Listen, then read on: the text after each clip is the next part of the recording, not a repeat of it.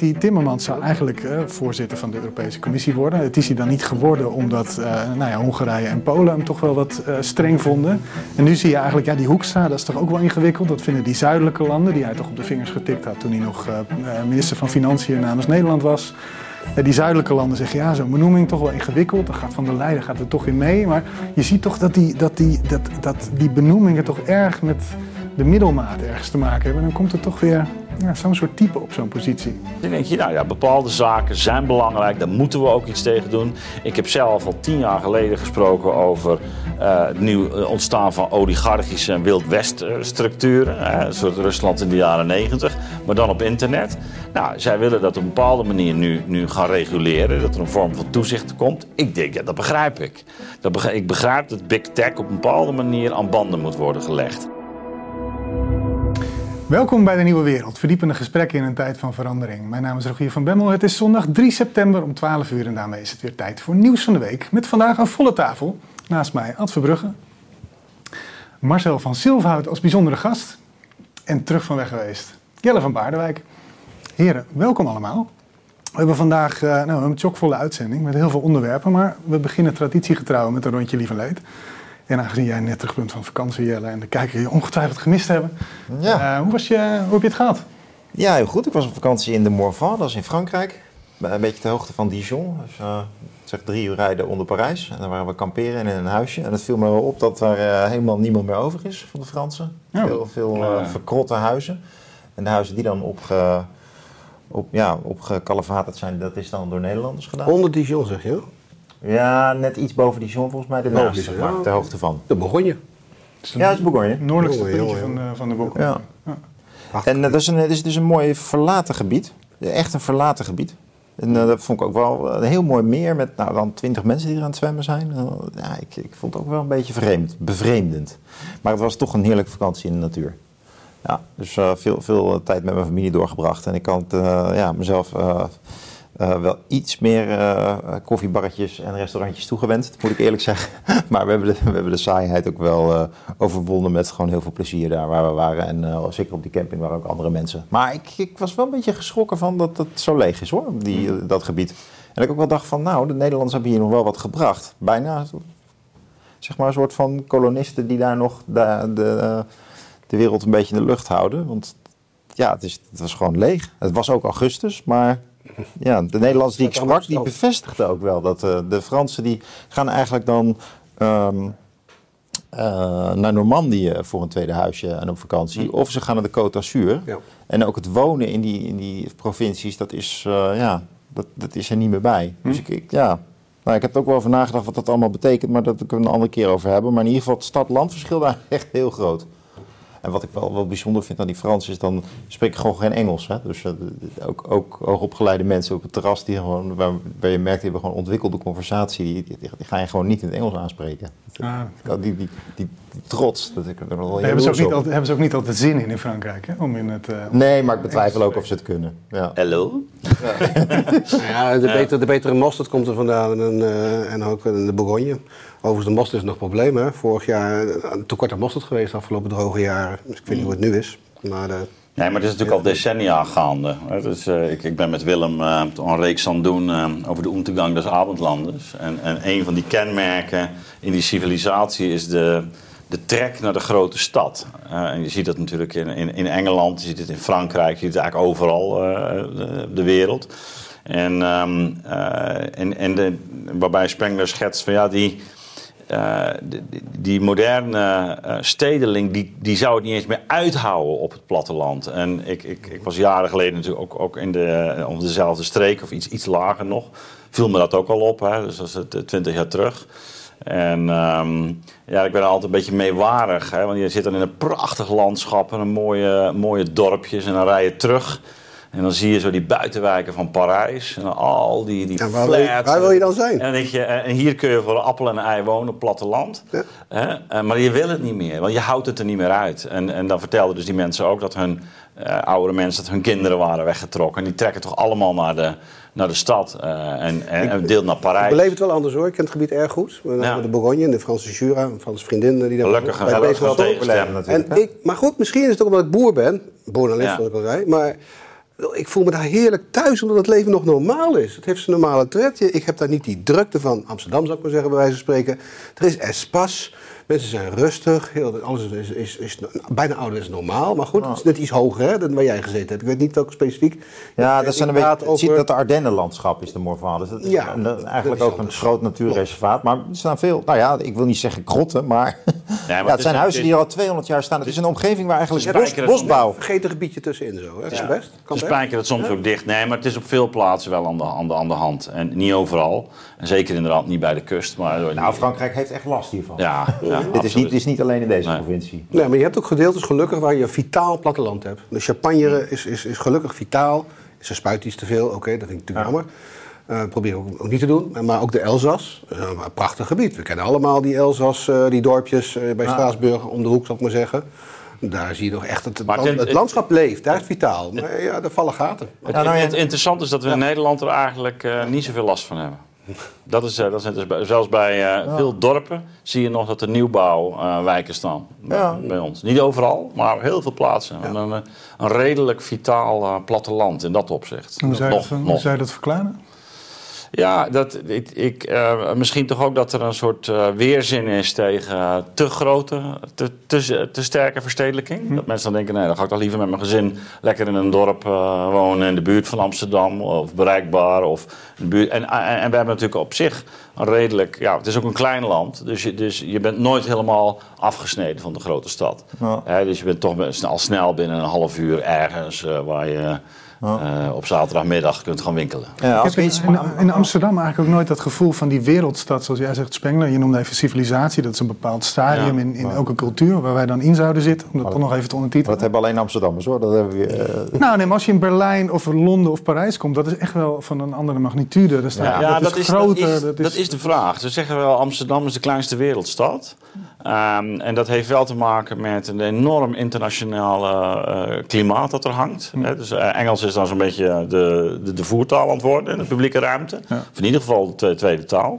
Eh, en eh, heel veel eh, eh, toerisme. Wat je, en en dus, eh, dus een, een soort wereldburgerschap eh, mentaliteit. Die, die, je- die je daar hebt. Dus eh, nee, ik vind Amsterdam, eh, daar hoort gewoon in dat opzicht bij Berlijn. Alleen je hebt helemaal gelijk.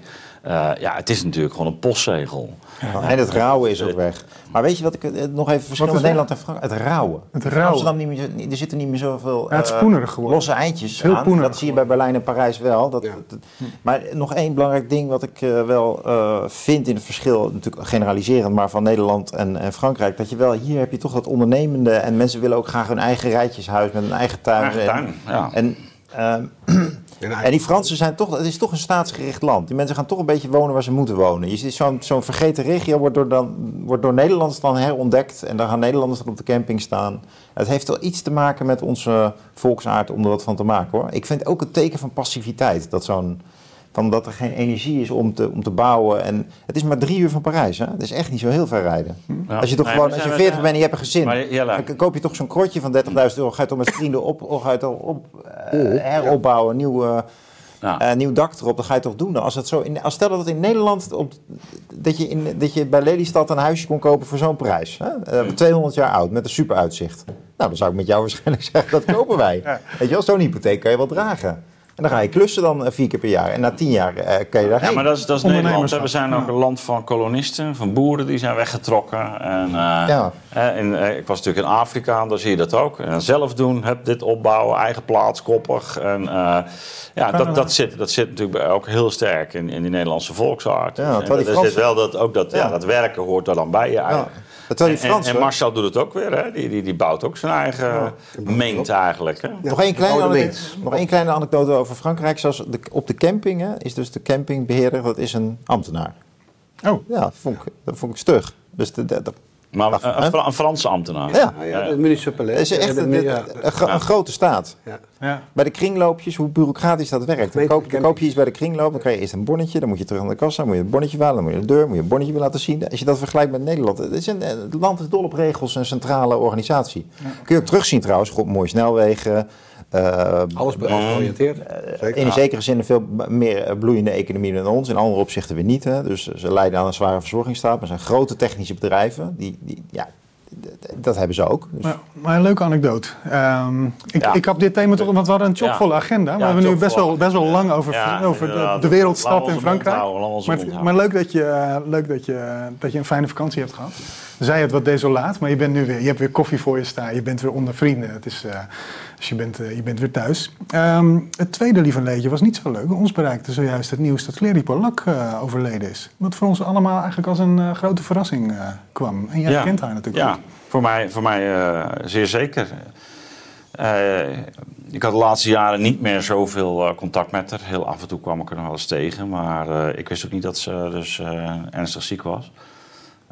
Nee, het is natuurlijk een heel kundig en gedreven ehm, televisiejournalist of radiojournalist. Het is een beetje de, Ook wel een van de iconische toch nog wel, vind ik. ja, Eh, eh, en ehm, ja, ik heb er dus inderdaad jarenlang eh, mee, mee gewerkt bij Buitenhof toen ik daar eh, adviseur was en vanaf 2005. En eh, later, vanaf 2011, heb ik eh, nou, vijf, vijf, zes jaar eh, eh, met haar eh, het filosofisch quintet gedaan. En, ehm, da- daar ben ik uiteindelijk mee, eh, mee gestopt en zij is ermee doorgegaan. En eh, eh, ja, ik, ben, eh, toen, ik heb bij Human vervolgens onderstromen gedaan. En maar al, die, die, die, jaren ja, heb ik haar leren kennen als iemand die, die zeer toegewijd was, heel professioneel. Claire die kon ook als ze gewoon naar de camera keek, dan zag je ze tjik, in één keer veranderde ze. Weet je wel? En ik zei, ja, hoe doe je dat? Ja, hij zegt, ja, je moet kijken naar, dat kan ik me nog goed herinneren. Ik zeg, ja, je moet kijken alsof, alsof je kijkt naar je geliefde. En dan komt er zo'n twinkeling in je ogen. Had ze ook altijd, moet je maar eens opletten. Als zij opende, dan was het, hup, ging het open. Dat, dat, dat was heel sterk. En zij kon ook die teksten, eh, wat dat betreft, eh, ja, gewoon pra- prachtig eh, uit, uitspreken. En ze bereidde het ook heel erg goed voor, allemaal. Ehm, ja, ja, een keerzijde daarvan bij het quintet vond ik dat het af en toe wat stijf werd. Maar de, het voordeel is wel dat je natuurlijk een bepaalde diepte, eh, of een bepaalde, laat ik zo zeggen, een bepaalde orde kunt bewaren. Niet altijd de diepte, orde kunt eh, Ja, je moet korte bewaren. tijd- Dus, dus ze, had dat, ze wilde dat ook, die, con, die, die controle, dat beheer eigenlijk. Dat, dat zocht ze ook altijd. Hm. En daar was ze heel, ja, ook wel streng op. Dat is, ze vond dat als mensen daar eh, echt de ook, eh, co- collega's of medewerkers daar eh, duidelijke steek lieten vallen, dan liet ze dat ook blijken. En dat maakte wel dat het niveau dat ze bereikte wel vrij, vrij hoog was, altijd. En wat ik het ook bij haar wel aangenaam vond, ze was ook echt wel in mensen geïnteresseerd. Absoluut. Hè, niet dat dat voor de vorm is en dan Nee. schieten met vragen die je van de redactie krijgt. Ze was echt geïnteresseerd. Ik heb haar, ik denk twee jaar geleden nog voor het laatste gesproken. Ik vond haar inderdaad ook niet altijd best uitzien. Ik begrijp dat ze ongeneeslijk ziek was. Ja. Maar ze had absoluut heel veel interesse in wat ik aan het doen was op dat moment. Hè, met mijn gaanteelt. Ze ze vond het prachtig. Ze zei, waar ben je nog niet op de tv geweest? Ik zei, ja, rustig aan. Ik ben rustig aan het bouwen. Dat komt nog wel. Dat meen ik ook trouwens. Ik was nog maar net begonnen als boer. En dan ben je onzeker als boer. Ik denk, nou nu, we doen nu vijf jaar. Hè, dus eh, kom maar op nu met de media-aandacht daarvoor. Maar die interesse had ze. En, Ja. en, en ze vroeg ook echt gewoon door. En, ja, dat, tot, tot op detailniveau wilde ze dingen weten. Ja, Ja. dat is toch Ja, aangenaam zo'n- hoor. zo'n kritische geest. dat nog hebben. kritische geest, maar ook met aandacht eh, voor Ja. persoonlijk ook. Ja. Dat, eh, ja. nee, eh, de, hebben, Nederland verliest er wel een eh, icoon eh, mee. Ja. Ja, nou, volgens Dat mij is, hebben, we, eh, Ja. hebben we zo wat, wat, eh, Ja. Ja. wat herinnerende en eh, lovende woorden over haar gezegd. Ja. En dat zat van de zomer nog bij haar aan tafel, moet ik zeggen. Oh, Ja. Dat was leuk, bij het eh, quintet. Dus, Oh, was eh, ja, ja, dus ik heb het niet lang geleden nog gezien. En toen, eh, ja, net als bij de Nieuwe Wereld, wel meerdere gesprekken op een dag hoor, dat ze dan doet. Ze was zeker ook scherp. Ook wel naar mij trouwens, heb ik ook wel gezegd na de uitzending. Maar eh, we kwamen er ook wel weer uit. Dan, eh, maar zij is natuurlijk wel, zij was een journalist die ging filosoferen. En aan de ene kant eh, heeft dat iets geniaals, zou ik maar zeggen. Omdat zij, eh, die intuïties zijn niet vertroebeld door boeken. En zij is gewoon haar eigen intuïties. Maar soms vind ik dan, dan duwde je wel in een mal. Dat eh, was mij wel overkomen. Je moet maar terugkijken. Ik ben best trots op de uitzending. Daar gaat het niet om. Maar ja, ik had wel een klein beetje een wrijving. Nou ja, dat heb je wel vaker met vrouwelijke presentatoren. met, met Marlies, eh, Marlies heb je dat ook wel eens. op- jij hier. Dat- dat- Nee hoor, volgende Nee, week, volgende week is Marlies er Marlies is eh, volgende week weer. Precies, Ja. dus eh, nee, dat, is, dat heeft daar niet mee te maken in ieder geval. Nee, ehm, nou nu we bij Lief en Leed zijn, ik heb zelf ook nog wel een puntje. Ik heb deze week namelijk gedoneerd. Ik ben nooit zo van, eh, van goede doelen. Ik, ben, ik vind namelijk dat de staat dat grotendeels zou moeten doen. En NGO's die groeien hier en daar ook eh, eh, ja, een beetje uit hun, uit hun voegen. Maar ik heb deze week gedoneerd aan, ehm, het was, eh, hoe heet het nou? Ehm, ehm, Uh, vertrouwen in de GGZ, zo heet het. Dank u. Vertrouwen in de GGZ. En vertrouwen in de GGZ, dat gaat 5 september gaat het een dagvaarding aan de NZA doen, de Nederlandse Zorgautoriteit, omdat de Nederlandse Zorgautoriteit vanaf dit jaar heel veel ja, persoonlijke, inhoudelijke gegevens van van cliënten en patiënten opvraagt. Uh, dat wordt dan wel gepseudonymiseerd, dus je, je, je, naam en dergelijke staat er niet bij, maar het is wel degelijk herleidbaar tot individuele patiënten. En, zij, uh, en de, de, motivatie van NZA daarvoor is dat ze dan de effectiviteit van behandelaars tegen elkaar kunnen afzetten. En uh, zodoende de effectiviteit van, van behandelingen zouden kunnen verbeteren. En zowel patiënten, maar ook psychiaters en psychologen verzetten zich daartegen, collectief dus, onder andere door deze, door deze rechtszaak omdat daarmee toch de, de privacy van patiënten en ook de, uh, het beroepsgeheim van, uh, van behandelaars geschonden zou kunnen worden. Uh, dan wel geschonden wordt, daar zal die rechtszaak over gaan, onder andere. En nou, dat maakt wel deel uit van een bredere ontwikkeling in de GGZ, waarin die zorgverzekeraars en dus ook de zorgautoriteit steeds meer controle proberen te krijgen over wat er in die behandelkamers gebeurt. En ik ben er natuurlijk wel, kijk, ik, ik, ik onttrek me natuurlijk met mijn eigen praktijk aan die hele systematiek. Um, dus, uh, maar tegelijkertijd ben ik ook wel... geen registratie Nee, als filosofisch consulent uh, doe je niet mee in die, in die registratie. Maar uh, ik ben er wel bezorgd over, ook omdat ik zie hoe belangrijk het is... dat, je, dat je je cliënten ook die, die openheid biedt. Hè? Dat je niet vergeleken wordt als behandelaar... oh ja, nou die en die indicatie, die kan je net met twee sessies sneller behandelen... dus dan gaan we die prefereren. Je ziet als een therapeut voor je die zijn patiënt in de DSM-5 gaat plaatsen... om de financiering voor de therapie te krijgen dan uh, wordt het geld leidend in de diagnosestelling. Ja, maar dat is, dat is tot, op, uh, dat, tot op zekere hoogte aan de gang. Dus ik ga daar voor, voor eh, de Nieuwe Wereld ook wat uitzendingen over maken. Met behandelaars en oh, ook met patiëntenorganisaties heb ik deze week contact gehad. Dat is een goed idee. maar ik wil iedereen oproepen die ook bezorgd is over deze ontwikkeling. Als je zelf patiënt bent in de GGZ lijkt het me sowieso relevant. Maar ook voor mensen die dat niet zijn is het natuurlijk belangrijk. Ze hebben nog wat geld nodig. Um, dus, uh, ja, gewoon al activisme vanuit de nieuwe wereld? Nou, vanuit mij. vanuit mij. Oh. Uh, ja, Marcel maar, doet het ook, dus uh, ja, moet, moet kunnen. Uh, nee, nee, maar ik... Nee, maar, Maatschappelijk activisme, er terecht, nooit wat mis mee zijn. Te, terecht die zorgt. toch, toch wil ik ook nog maar één kanttekening plaatsen. Um, het is natuurlijk wel belangrijk dat, op bepaalde, dat, dat je ergens ook, laten we zeggen een, een kwaliteitsidee hebt binnen de geestelijke gezondheidszorg. Snap je? Dus, dus uh, er worden natuurlijk ook gewoon echt heel veel mensen slecht behandeld. En, en om een zekere vergelijking te hebben van uh, waar gaat het nou goed en waar gaat het nou slecht of uh, beter. Uh, ik, ik, deel helemaal jouw sceptisch. Hè? Want voor je het weet moeten, moeten we weer in tien sessies iemand volledig gezond maken. Daar gaat het zo goedkoop. En, en, maar toch het idee dat, dat daar ook uh, een zekere reflectie op verschillende typen therapieën plaatsvindt en een zekere vergelijk. Um, en daar zou wat mij betreft ook het alternatieve circuit. Uh, als je vertrouwen hebt in jezelf, dan, dan moet je daar ook aan mee kunnen doen. Alleen de vraag is volgens welke criteria word je beoordeeld? Welke belangen zitten er achter zo'n screening? En wie, en, en wie wie, wie uh, stuurt, wie heeft er weer belang bij uh, zo'n zo'n eventueel uh, overzicht. Nou goed, dus, de, dus dat deel ik. hè? Tegelijkertijd...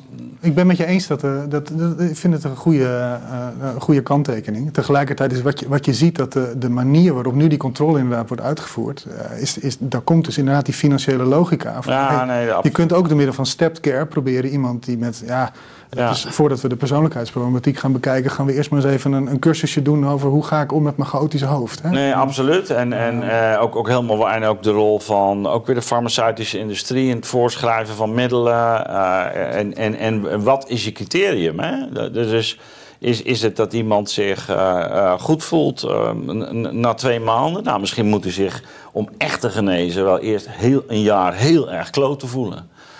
dus dus wat, wat is je termijn? En wat, wat moet, je, moet je niet kijken naar het eind van een leven. Dus ik zie ook al methodologisch uh, al, al, die kanttekeningen die je terecht kunt maken. Dat wij natuurlijk heel snel ook nu geneigd zijn om te zeggen: oké, iemand is weer aan het werk, hij voelt zich prettig, er zitten pillen in, uh, hij functioneert weer.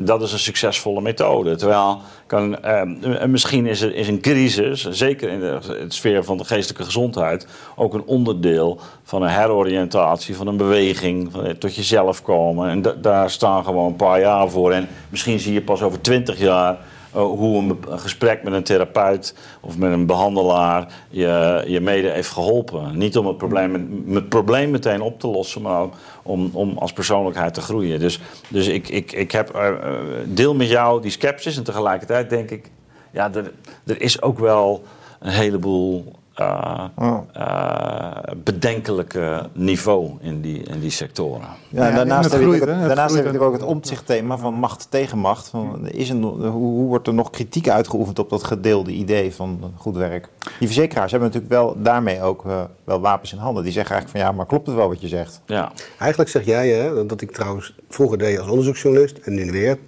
koren en kaf scheiden. Ja, Wie scheidt koren en kaf? Precies. En dan kom je ook op jouw boek weer gezagscrisis uit, wat ik Ja. trouwens een andere titel geef, eh, uitgehold. Hè? Ja. Ja. niet om. Uitholling, leegte.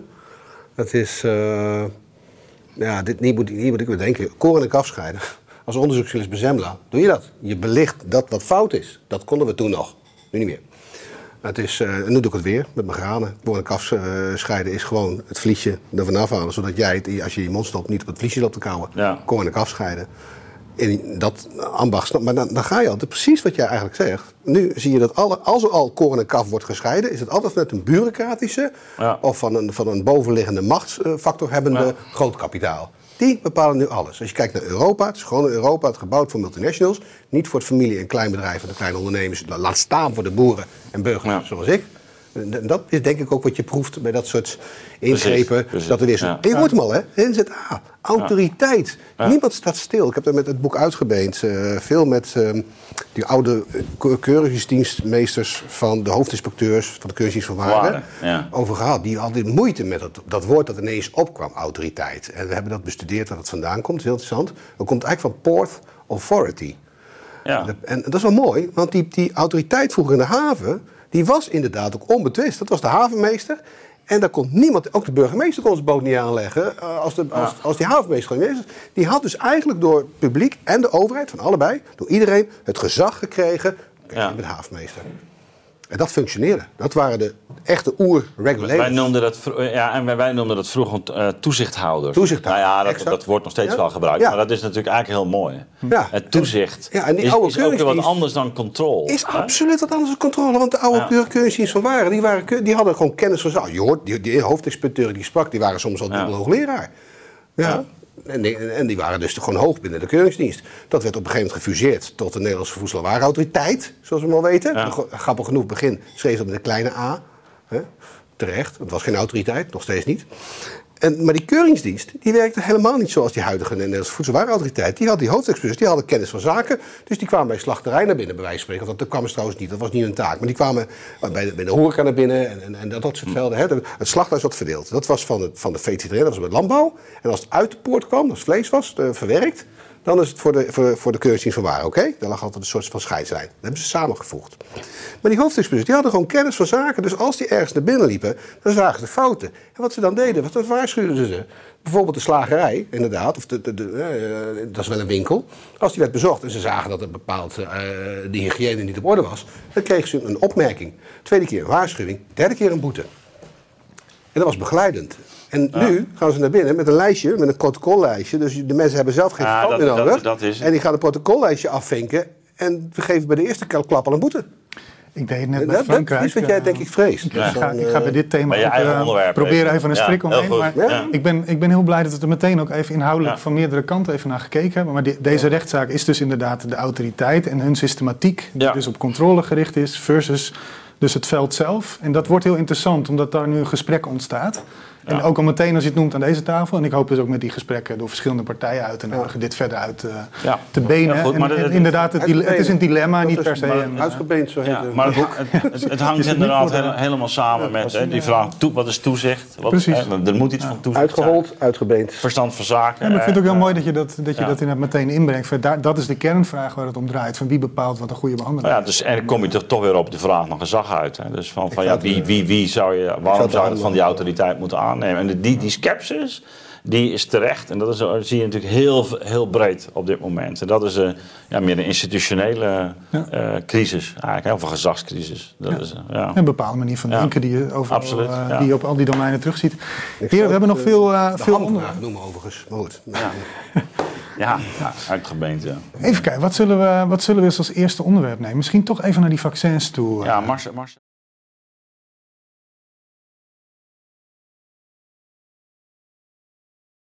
En die stroom is misschien wel ook aansluitend bij wat jij vertelt, Marcel. Ehm, die, die hele, die hele, dat hele debat over wat die vaccins nou zijn, hoe je daarover kan spreken. Want jij hebt net al een aantal uitspraken gedaan die, uh, die eigenlijk sinds, uh, sinds een paar weken op YouTube eigenlijk al niet meer mogen. Pijnlijk uh, genoeg. Ja, dat, dat, gaan we zo meteen analyseren. Maar als, als startpuntje daarbij had, uh, wilde, ik, uh, wilde ik jou even het woord geven over waar John Campbell van de week ook in werd. Ja. Toch een aantal onderzoeken over de effectiviteit van de vaccins. En, en dat zelfs inmiddels in sommige gevallen mensen die niet gevaccineerd zijn, toch resistenter blijken. Ja, hij, hij ver, verwijst naar een, een, een on-Israëlisch onderzoek. Um, we kunnen hier de link ook wel even uh, erbij zetten, denk ik, hè, on, onderaan. Ja. Uh, waarin men uh, toch een behoorlijk grote populatie heeft onderzocht. Ik, even, even grosso modo 650.000 mensen die gevaccineerd zijn in Israël. En um, een groep van 65.000 ongevaccineerden. En ze hebben gewoon die cijfers, die data vergeleken. En daaruit bleek dat ehm, in, in ieder geval de gevaccineerden uh, in de, de, periode 21. En dat ging, dat ging over de Delta-variant in de zomer uh, van 21, weet je nog. Um, dat die 13 keer zoveel kans hadden om besmet te worden. dus nou, dat is ook een debat hier geweest. Hè. Wat, wat, wat, wat is nou precies de, de status van het gevaccineerd zijn of niet? Daar hebben we heel beleid op. en de QR-codes en de toegangsbewijzen. Nou, die hadden 13 keer zoveel kans om besmet te raken. Dus de gevaccineerden? De gevaccineerden, ja, voor, de ja, voor, de goede orde.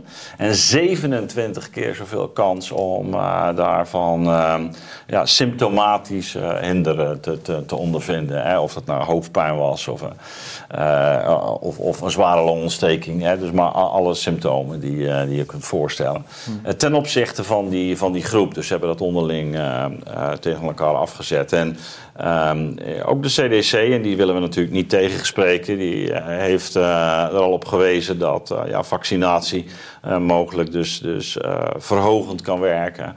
waar het gaat om het risico om ook, ook de nieuwe coronavariant ja, op, dus, op te lopen. Oh, dus dat is die, die, die variant weet, die nu... We weten het allemaal, ik, ik heb het allemaal maar, geweten. Maar even, even dus om de, de, de gedachte af te maken...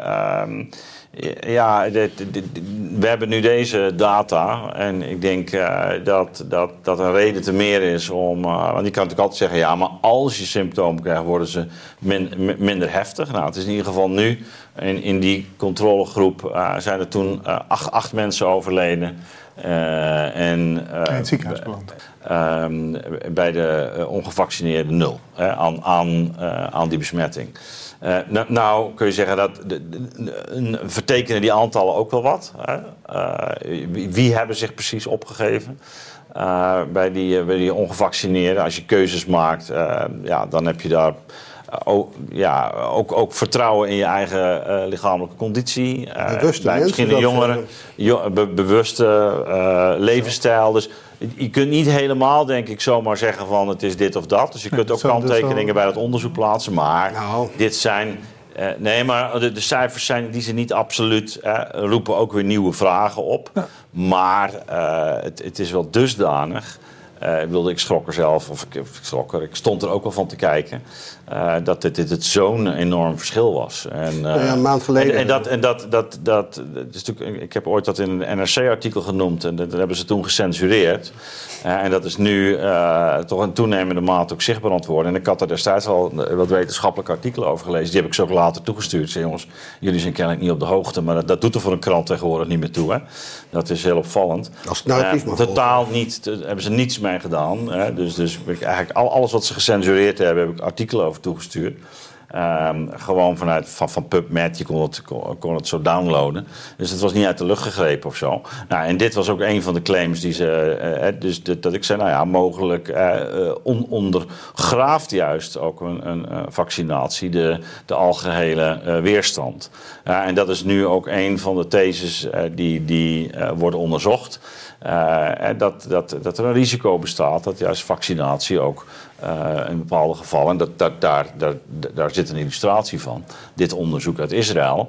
Uh, ja, dat dat toch een, uh, een, een, een, ook een, eigenlijk een ondermijning is van je het is het, immuunsysteem. Het is, echt een serieus een ondermijning. Ik heb het in de eerste dagen van corona. ik ben nog echt goed met, met de specialist om me heen. Want het was ook bij mij een vraag. Ik ben ook heel ziek geweest in april 2020. Een jaar later nog een keer, twee jaar later nog een keer heeft trouwens. Maar het is overduidelijk dat de natuurlijke genezing altijd beter is. Dat werd echt al begin meteen tegen mij gezegd. Ja, maar dat heel, niet. heel de rol. En in de media werd dat helemaal weggedrukt. Ik, nee? ik heb, ik heb uh, net weer contact met, ook met Theo Schetters. Dus ik word weer eens tijd om hem langs te vragen. Ja, dat is een goed moment ik wil, ik wil dit toch heel, Ik wil hier toch iets op zeggen. Want je, uh, voordat we daarop verder gaan. Want die... die um, er is nog wel een groot verschil tussen zeg maar, of het een ondermijning van je immuunsysteem is, mm -hmm. hè, of dat het zo is dat je na doormaking van, je, van een ziekte, dat je daarna beter, uh, beter bestand bent. T-celrespons. Precies, nee, je hebt een bredere respons, maar dat wil nog niet zeggen dat het, dat het uh, gevaccineerd zijn ook echt je immuunrespons ondermijnt. Want dat is wat jij net zei. Daar zit nou, een verschil zou, tussen. dat, nou ja, ik, ik heb er echt, uh, met mensen met wie ik spreek, die, hebben, die zijn er zeer verontrust over. Ja, en, heel, en, toen al, hè, al, al bij aanvang eigenlijk van, van het gebruik maken van, van de vaccinatie. Wat, wat het interessant is, dus zelfs als je super voorzichtig bent en echt alleen dingen zegt die, die je inmiddels wetenschappelijk begint te kunnen aantonen, dan, dan nog kun je heel veel vragen stellen bij het gekozen beleid. Hè? Dus nou, daar, daar draait het mij ook om. hoeven die these ook niet, niet, te overdrijven. Nee, precies. Nee, maar goed, ik, vind, ik vind het belangrijk nieuws en ik hoop dat die discussie uh, dat die, dat die toch uh, wordt gevoerd. En Wat dat, wil je over Theo Schetter zeggen? Nou, dus dat ik binnenkort weer eens met hem om de tafel ga. Wil je me ook over myocarditis vragen dan? Want dat is dat Zwitserse onderzoek. Waarin bleek dat je 35 keer, ik geloof dat het 2,3 procent is of zo, 35 keer meer kans dat het myocarditis. Ja. Ik weet niet meer of dat Pfizer of Moderna was of allebei, maar in ieder geval de mRNA-hoek. Dus een goed gedegen Zwitsers onderzoek. Laat, laten we deze nog iets breder trekken. Want jij zegt, ik hoop dat het onderzocht wordt. Uh, in dat, nou ja, er, er, wordt nu onderzoek gedaan. Of, nou ja, dat het besproken ja, er zijn 2500 wetenschappers op straat. Dus er is ja. uh, mensen die uh, tijd hebben. Laat me even mijn poging tot een bruggetje doen, jongens.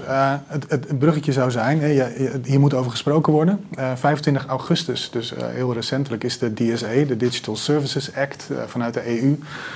Onze um, Thierry Breton, die Franse commissaris voor interne handel. Die heeft dus die, de, de, Digital Services Act ziet erop hoe de grote techbedrijven moeten omgaan met informatie en desinformatie. Uh, en dat is, dat is onlangs dus van kracht uh, geworden, deze regelgeving. En, en, en in het verlengde daarvan kun je zeggen, vlak daarvoor heeft YouTube ook gezegd dat ze nog strenger gaan vasthouden aan de WHO-richtlijnen op het gebied van gezondheidsclaims. En dan worden er voorbeelden gegeven van uh, remedies die niet werken tegen kanker. Als je daar iets over zegt op je kanaal, dan, dan wordt, dat, wordt dat verwijderd. maar de vraag die daarnaast ligt natuurlijk is de vraag naar vrijheid van meningsuiting. Hè. Dus als je bepaalde dingen alleen nog maar kan zeggen die in lijn liggen van wat de WHO bijvoorbeeld over vaccinatie, want het wordt ook expliciet genoemd. Bijvoorbeeld over vaccinatie of over het effect van, uh, uh, het effect van bepaalde soorten vaccins zegt. Als je alleen nog maar dat mag bespreken. Ja, dan werd, uh, ik geloof dat Russell Brand was, die zegt ja, dan had je 500 jaar geleden had je gezegd aderlaten is de enige juiste manier. Hè? Dus we hebben ook in de openbare ruimte een bepaalde vrijheid van meningsuiting nodig om ook ja, dingen uh, het is tussen haakjes... Voor de journalist, laat ik duidelijk zijn. Ja, dat en voor de reden waarom ik in 2016 ben gestopt. En voor de Omdat ik merkte dat het toen al aan het afnemen was. De ruimte, de financiering, opgedegen, onderzoeksjournalistiek. Zoals ja, ik destijds. Maar uh, niet alleen de journalistiek. En dit is nog een stap verder. Dit is jouw uitholling. Mm. Dit is die leegte. Er kruipt iets in. Er ja, kruipt ongedierte in. Nou ja, dat is, dat, en precies. En er komt dus iets anders voor in de plaats. Hè. En de, dat is denk ik ook hier ook, uh, ook, ook waar het gaat om die... Uh, die uh, Digital um, Services. Services Act. Uh, ik, ik, ik ben daar uh, heel uh, ambivalent in, moet ik eerlijk bekennen. Want um, je begrijpt natuurlijk dat er een vorm van toezicht nodig is. Er zijn hier ook, de afgelopen jaren hebben we ook binnen onze opleiding, Jelle weet het ook nog wel, documentaires besproken waarin je ziet dat bijvoorbeeld escalaties in, in, in Myanmar uh, onder invloed van Facebook zijn uh, ontstaan. Hè? Omdat daar uh, ja, het, het, het, bekende echokamer-effect en de tunnelvisie zo, zo, sterk, zo sterk werden. Nee, maar dat, dat er gewoon enorme heftige etnische sentimenten opkwamen. En En eh, eenzijdige verslaglegging en beelden, waardoor, het, waardoor, waardoor je gewoon echt eh, zwermen krijgt die gewelddadig worden. Die gewoon in een staat geraken waarin ze eh, in, inderdaad ja, hun, hun buurman naar het leven staan. En dat is dus dat is ook een risico. Eh, en, en toen werd er al gezegd, ja, er moet er bij Facebook moet er toch wel een vorm... eh, ik bedoel, ik heb die discussies meegemaakt. Er moet, eh, er moet uitgebreid, er moet toezicht komen. Hè, want ze, ze geven helemaal niet om de consequenties. Eh, eh, en ze nemen geen verantwoordelijkheid voor, voor hun kanaal. Dus je, dus je ziet, eh, wanneer je het, het helemaal vrij laat, gebeuren er ook hele nare Als je, dingen. als je zegt toezicht, eens, maar dan moet het effectief toezicht zijn. Nee, nee, maar even de gedachtegang al. Half Dus het ging over mijn ambivalentie. En dat is het, hetzelfde punt al met, met betrekking tot eh, het voorbeeld dat jij net gaf. NZA. van die zorgautoriteit. Ja, dus dus eh, je wil natuurlijk dat er iets van toezicht is. Want eh, wanneer het eh, volledig vrij wordt gelaten, kan dat ook eigenlijk een vrijplaats worden voor kapitaal, voor manipulaties, voor, voor groepen die daar agenda's Als ik, als ik dat uit even mag aanvullen, dus die, bijvoorbeeld die, die, die, om een voorbeeld te Ja. geven, hè, die digital... Me heel goed. Jij zegt eigenlijk weer, die havenmeester weet je nog, Ja. Laat, die laat, even, laat me even een voorbeeld aan geven. Dus in die Digital Services Act wordt onder andere bepaald dat eh, mensen van onder de 18 niet meer getarget reclame Ja, mogen best zien. goed. Hè, dat, soort, dat soort regelgeving, of hoe ga je met de jeugd om? hebben, vind ik echt dat je de keuze moet hebben. Dat er niet meer zomaar persoonlijke profielen eh, kunnen mogen worden ontwikkeld. Ik, nou, dat is, dat is allemaal best goed. Transparantie over hoe algoritmen worden ingericht. Eh, Dergelijke dus- dingen zitten er ook in en dat, die zijn heel erg hè, belangrijk. Dus ik, ik, ja, ik heb me daarin verdiept, ah, ja, voor zover mogelijk. Hè. En dan denk je, nou ja, bepaalde zaken zijn belangrijk, daar moeten we ook iets tegen doen. Ik heb zelf al tien jaar geleden gesproken over eh, het nieuw eh, ontstaan van oligarchische en Wild West eh, een soort Rusland in de jaren negentig, maar dan op internet. Nou, zij willen dat op een bepaalde manier nu, nu gaan reguleren, dat er een vorm van toezicht komt. Ik denk, ja, dat begrijp ik. Dat begrijp, ik begrijp dat big tech op een bepaalde manier aan banden moet worden gelegd. Alleen, dan komt het. Europa gaat dat, gaat dat doen. Nou. Wat, wat voor nieuwe belangen, eh, wat voor netwerken worden daar geactiveerd?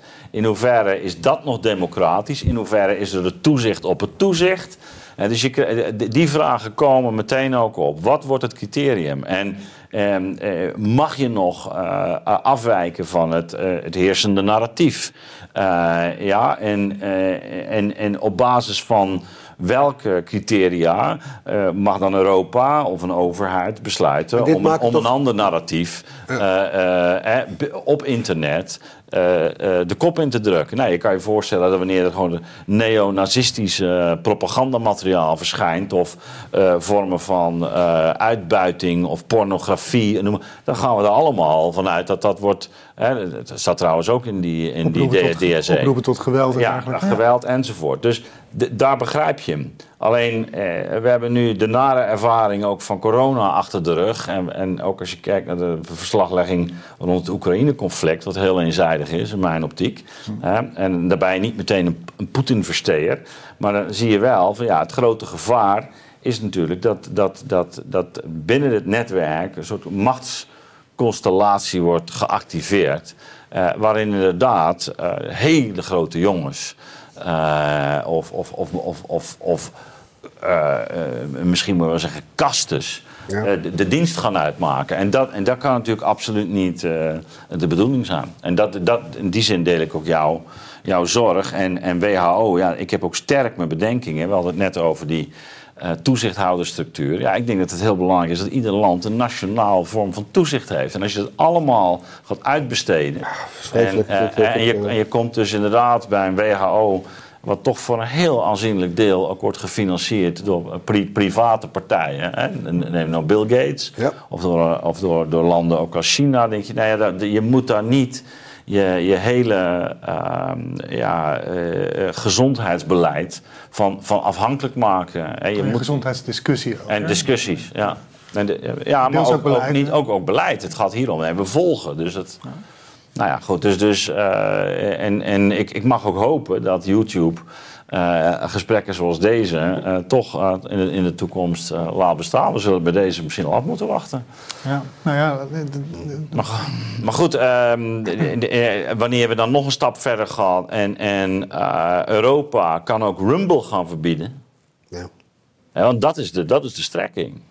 Dat ze met, met die DSA dus ook gewoon partijen gewoon kunnen... In Frankrijk al het geval natuurlijk. Frankrijk heeft wel heel veel, ik ben het nu even kwijt eh, ter plekke, maar er zijn heel veel.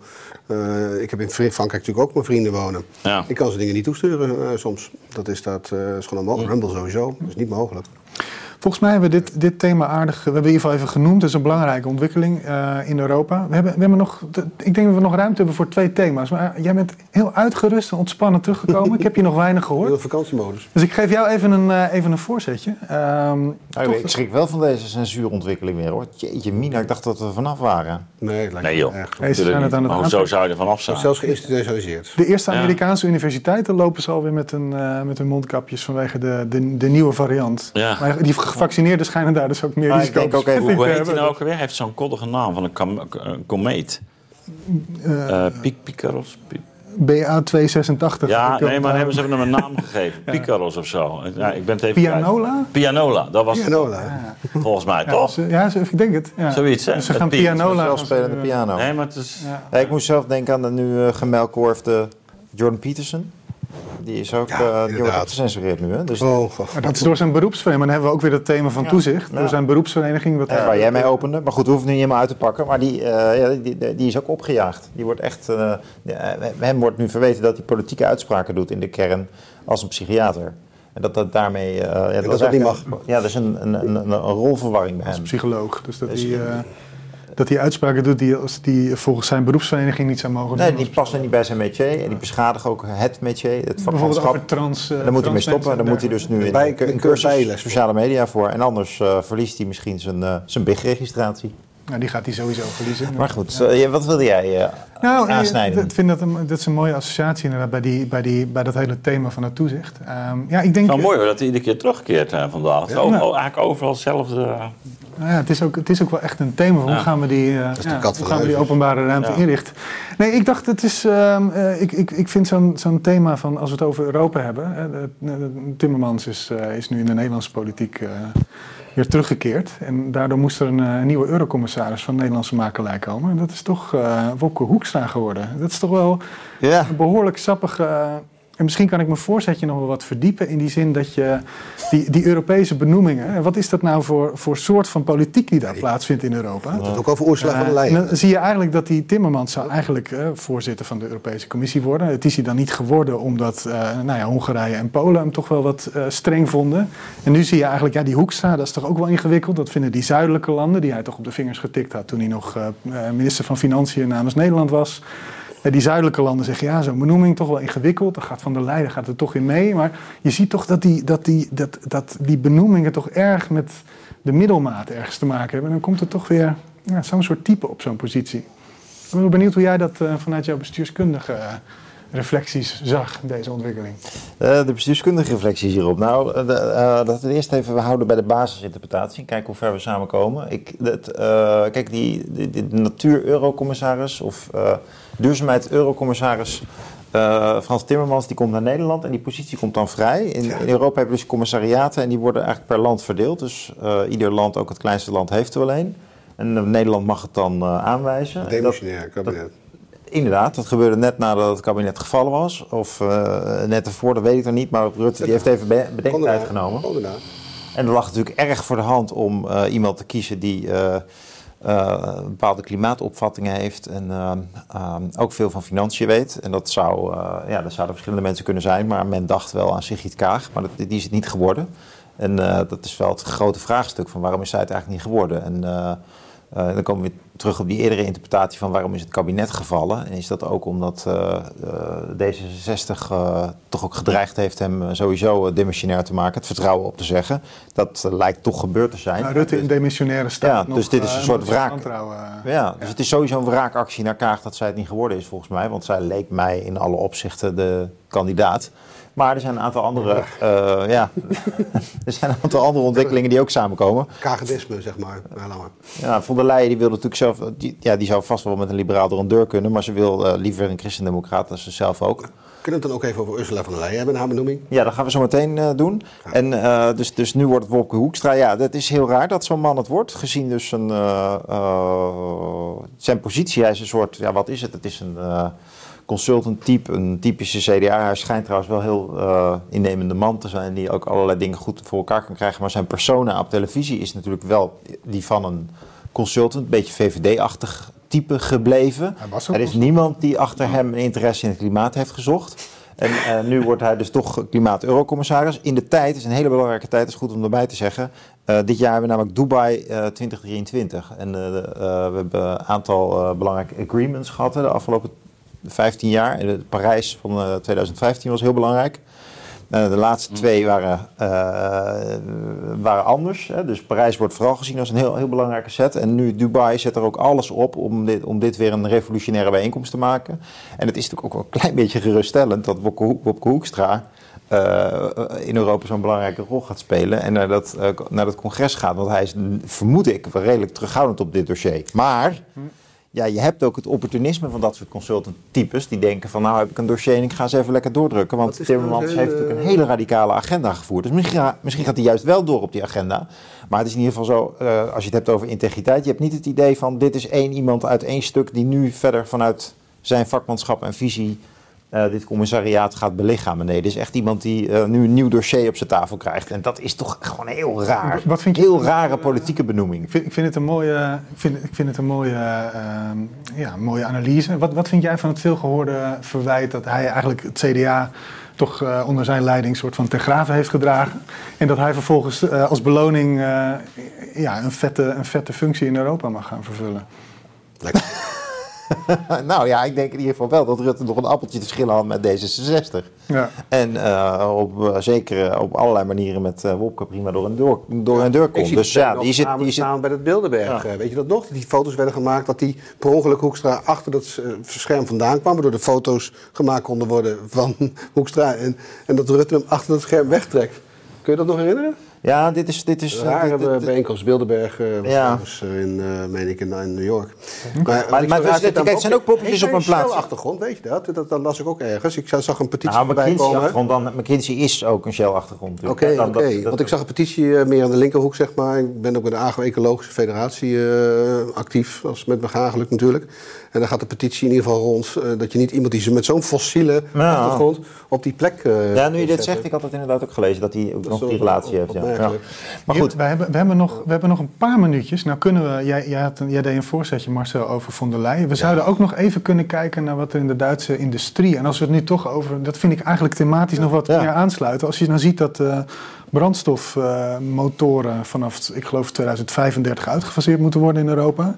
En dat je tegelijkertijd ziet dat de, de, de, het, de verkoop van elektrische auto's, dat loopt heel erg naar China toe nu, want die hebben eigenlijk die hele productieketen in handen. Die, die, die, metalen en dergelijke. En deze week kwam er van, uh, dus eigenlijk in Nederland hebben we de Kamer van Koophandel. In Duitsland heb je die Deutsche Instituts- und Handelskammer, dat is het DIHK. En Industrie. Die Industrie Handel, wat zei ik? Nee, Instituut. Oh ja, Deutsche Industrie und Handels. Ja. ja. fijn dat je het even corrigeert. In ieder geval, die kwamen met, met cijfers naar buiten. was een Maar het is, wel goed die naam dat je dat noemt, hè? Dus industrie en de handelskamer. Het is heel veel zeggen. Daarom, daarom noemde ik het ook even zo parallel. Industriebeleid.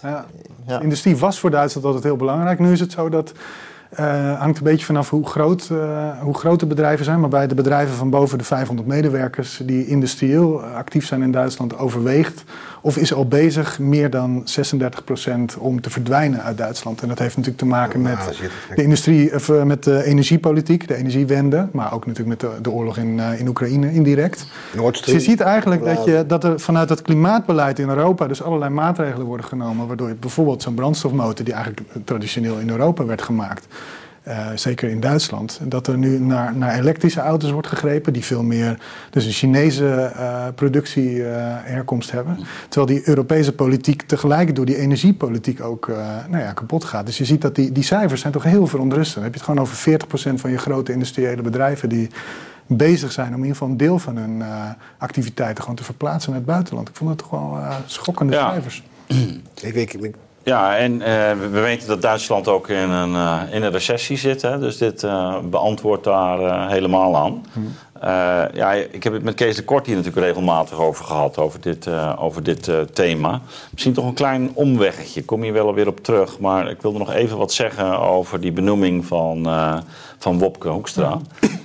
Um, kijk, wat, wat interessant is, en dat, in, dat zie je natuurlijk weer meer met die ehm consultancyfiguren, dat eh, overal wa- waar een, een nieuwe trend is, daar, daar, daar zijn kansen. En die kansen die zijn eh, zowel zakelijk voor, voor een, een bedrijf of een onderneming, maar ook persoonlijk. En, ehm, dus ik ben er helemaal niet gerust op. Dat, want je ziet dat, dat eh, die, die, zeg maar, de, de, de groene agenda nu met, ook met een soort fanatisme wordt doorgevoerd, overal. Eh, om, omdat dat een nieuw soort verdienmodel aan het, aan het worden is. In ieder geval voor een bepaalde tak. Hè, dat is, eh, is in Duitsland is ook 15% enthousiast. Nou, die zitten waarschijnlijk in die hoek. Dus, dus ehm, eh, dat, dat, dat is het eerste. Je ziet dus ook op persoonlijk vlak dat eh, bijvoorbeeld bij iemand als Hugo de Jonge, die heeft heel, was heel geprofileerd tijdens de coronacrisis. En, eh, en die had een duidelijke geldingsdrang, hè, eh, wekelijkse persconferenties. Maar die had ook rond woningbouw, ook weer gewoon, heel- overigens heel belangrijk, heel goed dat er iets gebeurt, maar ook een hele uitgesproken geldingsdrang. Met met ambitieuze bouwplannen enzovoort. Dus ik zou me voor kunnen stellen dat we bij Wopke eh, Hoekstra iets vergelijkbaars eh, gaan zien. Ik dacht vorige week, nou, dat kunnen ze niet maken om, eh, om, om, om Hoekstra daar te zetten. Maar eh, Ursula komt toch ook niet? Nee. Eh, Iemand die voor corruptie Dus- als dus- defensieminister in, Amerika, in De- Duitsland onder de loep lag. nee, maar precies om die reden. Maar, maar ehm, eh, ja, Ah, is dat dus- speelt niet bij Wop Het is dus, eh, het is dus wel gebeurd. Het is wel gebeurd. En eh, het is niet gezegd dat dat dus eh, eh, betekent dat het eh, eh, dat, dat nu half tempo gaat. D- daar kunnen gewoon ook weer netwerken worden geactiveerd. En hij kan een persoonlijke geldingsdrang hebben. Dus dat- we gewoon stevig doorgaan. Ik sluit dat helemaal niet, eh, niet uit. En... ehm, eh, wat, wat, eh, wat daarbij komt, en, dat is iets wat ik eigenlijk me onvoldoende nog vorige week ook, ook realiseerde, is dat je. oh, we krijgen hier iemand op bezoek, zie ik. Krijg een biertje. Ah, het is ook wel tijd voor een... eh, Ah, eh, even een. voor eh, zoiets. Het bier komt ter tafel. Dat is mooi. Maar vertel verder, ik, ik zit in de gedachtegang. Dus, eh, ja. Ja, wat had je vorige week nog niet helemaal ingezien? Wat je nu wel ziet. Nou, dit dit sluit aan op die thematiek van leegte en uitholling. Dat, eh, ik, ik, ik, ik had een verhaal over Spengler in een andere context. Ik zei dat, die, dat, die, dat de, de, de politiek in toenemende mate eh, in het verdwijnen van ideologieën eh, gaat draaien om persoonlijkheden. Ja, en en ah, nou ja, eh, iemand als Trump is daar een uitgesproken voorbeeld van. Een persoonlijkheid die eigenlijk de ideologie gaat vervangen. En toen dacht ik, ja, misschien is eh, Europa en dat hele forum eh, eigenlijk ook wel een soort. eh, die, die, die stoelendans, rond, eh, die is eigenlijk ook rond personen in toenemende mate aan het draaien. Dus dat, je, dat dan een, ja, een persoonlijkheidscultus of element bij komt. Waarin eh, iemand eigenlijk zijn individu. Niet dat we democratisch kiezen voor een bepaald beleid. Nee, maar je hebt een commissaris en die gaat heel erg zijn stempel drukken. Op, op de. de eh, ik, eh, ik, Nee, nee, nee, nee, ja. buurman. Eh, ja, dit is eh, het bier van ehm, Het geld is graag geluk. het, het graangeluk. Er mag is inderdaad ook wel graangeluk. eh, wat eh, positiefs eh, op de tafel worden gezet. Nou, laten we daar... eh, Dat is even proosten. Ja, ja. mensen hier. moet ik, even eh, toelichten, als we dan toch de uithollen. gemeente Pels hier. dat is de- Ja, het is van eigen land, Ja. letterlijk. Hier zit eh, de Venus Kruiprogge in, die jullie ook van de lunch met het brood hebben mogen proeven. Het is, hier heb ik die eh, letterlijk het beste speciaalbier ter wereld eh, geworden in 2020. oh, Gouden medaille, Brussels Beer Challenge, in categorie eh, specialty bier onder de 7%. En eh, ja, dat, dus, dat blijft natuurlijk de trots van Gageluk. Eh, ik denk, die moeten op zijn minst, als er toch de zaak uitgehold is... Hè, Ja. Maar wel- Gageluk zorgt tenminste nog voor een beetje een eh, versnapering van de kwaliteit. Hoe smaakt die? ik heb er geen verstand van, maar is het? het smaakt heerlijk. Ja, dus een eh, dubbel blond. echt, het, heel- ja, ik, ik had graag meegenomen, maar ik drink even geen alcohol op het Je moment. hebt Dus, een eh, keto-diner. het is, het is pittig, zoetig, Ja. hoppig. Het is, het is echt lekker. Ja. Oké, en maar laten we even nog de gedachtegang afmaken. dus Ja. dus dat, je, dat je ziet dat, dat op een bepaalde manier de invulling van die agenda's eh, op die verschillende dossiers ook heel erg af gaat hangen van personen die daar hun individuele energie in stoppen en zichzelf daarmee als persoon profileren. Wat bizar dat is, gezien de belangen, ook maar dat het, politiek dat, het, en dus- dat het eh, eh, persoonlijke profileringsplekken zijn geworden. En, en dat eigenlijk Timmermans, die ook geen eh, groene achtergrond had, die is gewoon Mr. Green geweest. Een krachtdadige bestuurder. Die, die, die dus juist in die, laten we zeggen, eh, bureaucratische omgeving. eh, die, die- die niet zozeer een ide- ideologie, van, eh, ideologisch gekozen beleid uitvoert, maar eigenlijk vanuit dat wat er in de lucht hangt iets oppakt en daar een heel sterk persoonlijke stempel en daarmee eigenlijk zichzelf als persoon profileert. Dus ik zag daar een, Ja, en de EU, hè, dat valt me ook heel erg Ja, op. en Dus de en de dus, dus die ja. persoonscultivering. Maar de EU is natuurlijk voortdurend op zoek naar legitimiteit. Hè, we werken samen, het moet meer en we zijn, het is belangrijk en we moeten groter worden. Dat is steeds de visie. Maar hoe? En dat groene dossier, dat versterkt dat heel erg. Hè? Want het is Ja, een dus- internationaal dus- dus- probleem kunnen we niet nationaal oplossen. Maar je, maar, je, maar je krijgt dus iets raars, dat je op een bepaalde manier van de willekeur van persoonlijke eh, personen ook bent, afhankelijk bent. Dus je hebt enerzijds duidelijke netwerken, structuren, belangen enzovoort, maar ook het soort van de logica bijna van het toeval. Van wie komt daar naar boven en die, en die pakt binnen die omgeving Ja. Eh, dan één, één onderwerp en bepaalt zo mede de koers. En dat is denk ik Zonder ervan te weten. eh, zonder dat er per se heel veel verstand van zaken is. Maar, Juist, maar de ja. vorm van krachtdadigheid is dan heel bepalend voor hoe het eruit komt te zien. Ik vind het wel een mooie observatie, ook in relatie tot de Nederlandse politiek. Hè. We krijgen nu natuurlijk verkiezingen en er zijn al echt allerlei partijen die nooit de grootste gaan worden. Maar die profileren gewoon hun eigen eh, eerste man of vrouw als een soort presidentskandidaat. Ja. Want die gaat het allemaal anders doen. Ook Marijnissen van de SP wordt... Ja, het- terwijl je kiest toch een Tweede Kamer met elkaar. Het hele idee dat je dus... Je kiest toch voor die cultuur van die Tweede Kamer. Ja, voor het- maar je ziet dat bij ons specialisten die daar... Ja. ja. het gaat ook daar meer om die personen draaien. Over Tweede Kamer gesproken. Eh, de, we wilden associatie, maar... ehm, eh, Nou, we gaan wel even terug naar die Duitse industriepolitiek, hè? ja, nee, Ja, daar, daar wil ik dat was het- dat was het, eh, dat- ik ben benieuwd het- hoe jij de brug slaat. Dat is wel, ik heb er ook nog wel... eh, Nou ja, dus, dus, dus eh, dan, dan terugkerend. Dus we hebben nu binnen Europa heel duidelijk dat profiel, ook wat door Timmermans met, met, met, met kracht is, eh, is doorgezet. En ik denk dat dat, dat is op een bepaalde manier ook zingevend. Het is een nieuwe richting.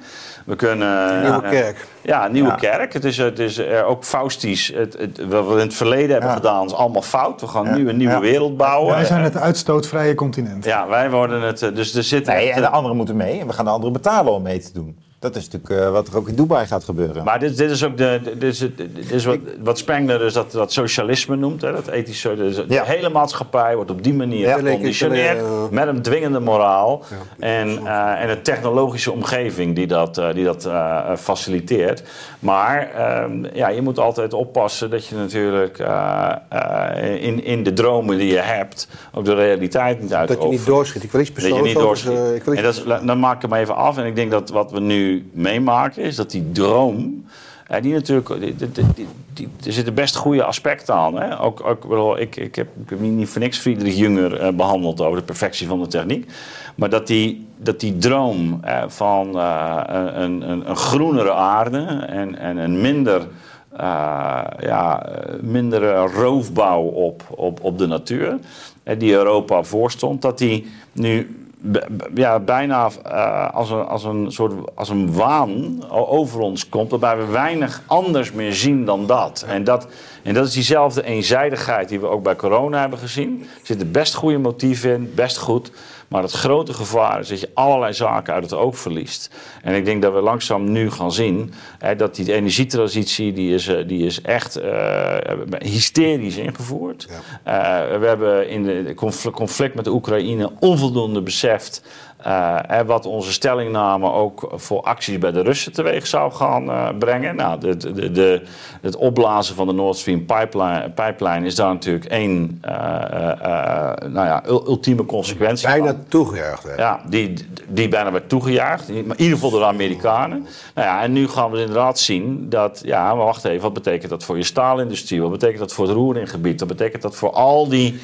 eh, eh, die, die, die, die, ook die industrie die je nodig hebt... ook om die transitie mogelijk te maken. Als, brug dus- van jou? Ja, nee, zo, dus ik ben, ik ben klaar hoor. Maar, maar dus dat, dat we, ja, om die trans- transitie goed te kunnen doen, moet je niet in te zware recessies komen. En heb je misschien het aardgas ook nog wel even nodig om, om eh, petrol uit te faseren, om het zo maar even te, te noemen. Dit is, ja, dit is Ja, bijvoorbeeld alleen al met eh, die auto's. Je zult ofwel genoeg, eh, een heel goed OV moeten hebben, ofwel je zult toch ook nog een tijdje. Alles, het stroomnet, eh, al- alles moet worden uitgerold. En, en nu zit daar een soort druk op. En, en dat voelen natuurlijk die, die grote industrieën. Je denkt, ja, maar wacht even.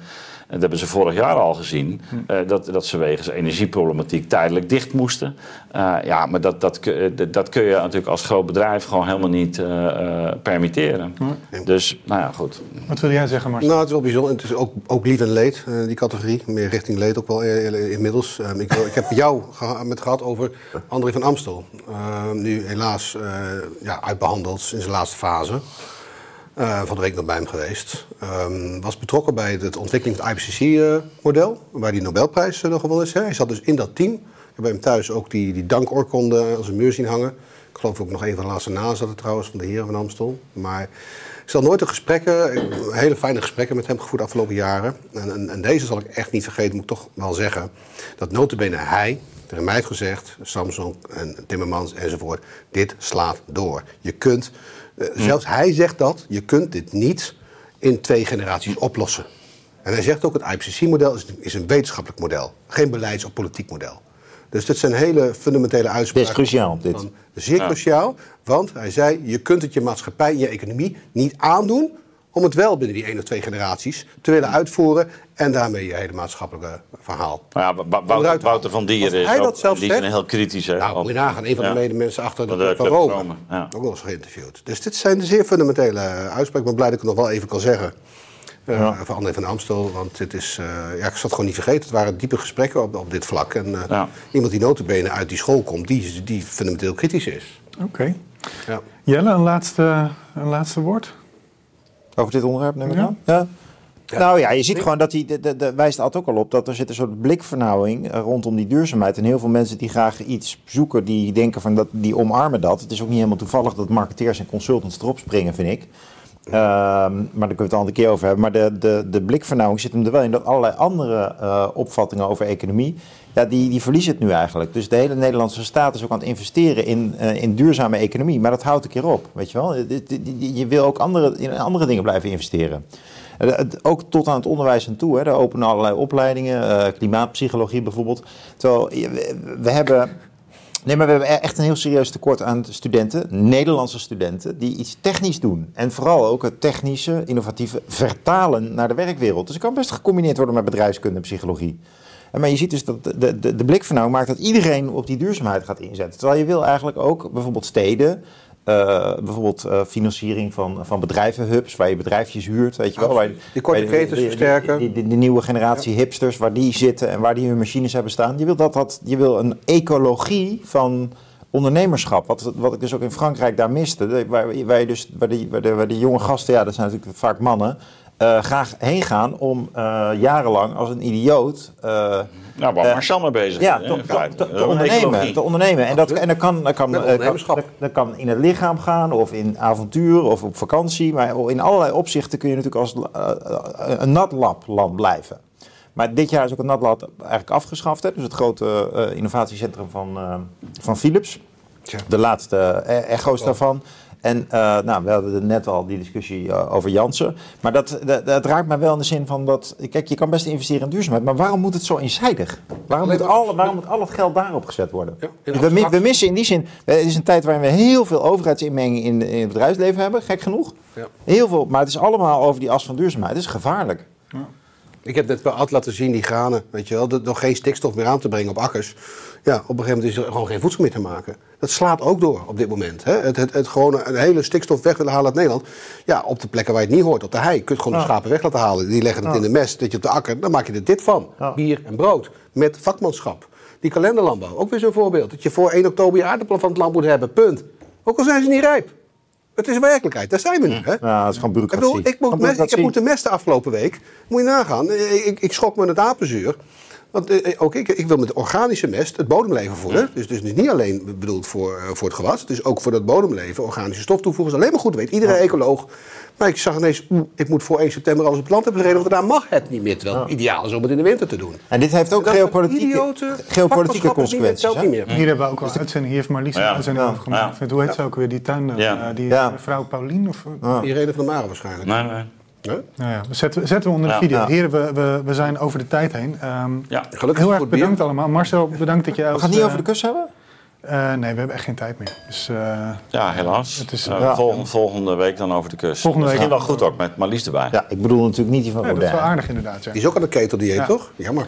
En we gaan ehm, eh, de, de Spaanse bondsvoorzitter, die kus. Maar die kunnen jullie dan inderdaad misschien met, met Marlies bespreken. Ja. Marcel, je, bent, je, je, je noemt heel veel interessante dingen. We hebben niet alles grondig kunnen uitpakken. Daarom heb ik een paar dingen ook even, we hebben een paar dingen wel uitgebreid besproken. Zeker. Dat lijkt me heel waardevol. Ja, Ehm nou ja, Ja. Ad en Jelle, natuurlijk ook eh, fijn om weer eens met jullie samen aan tafel te zitten.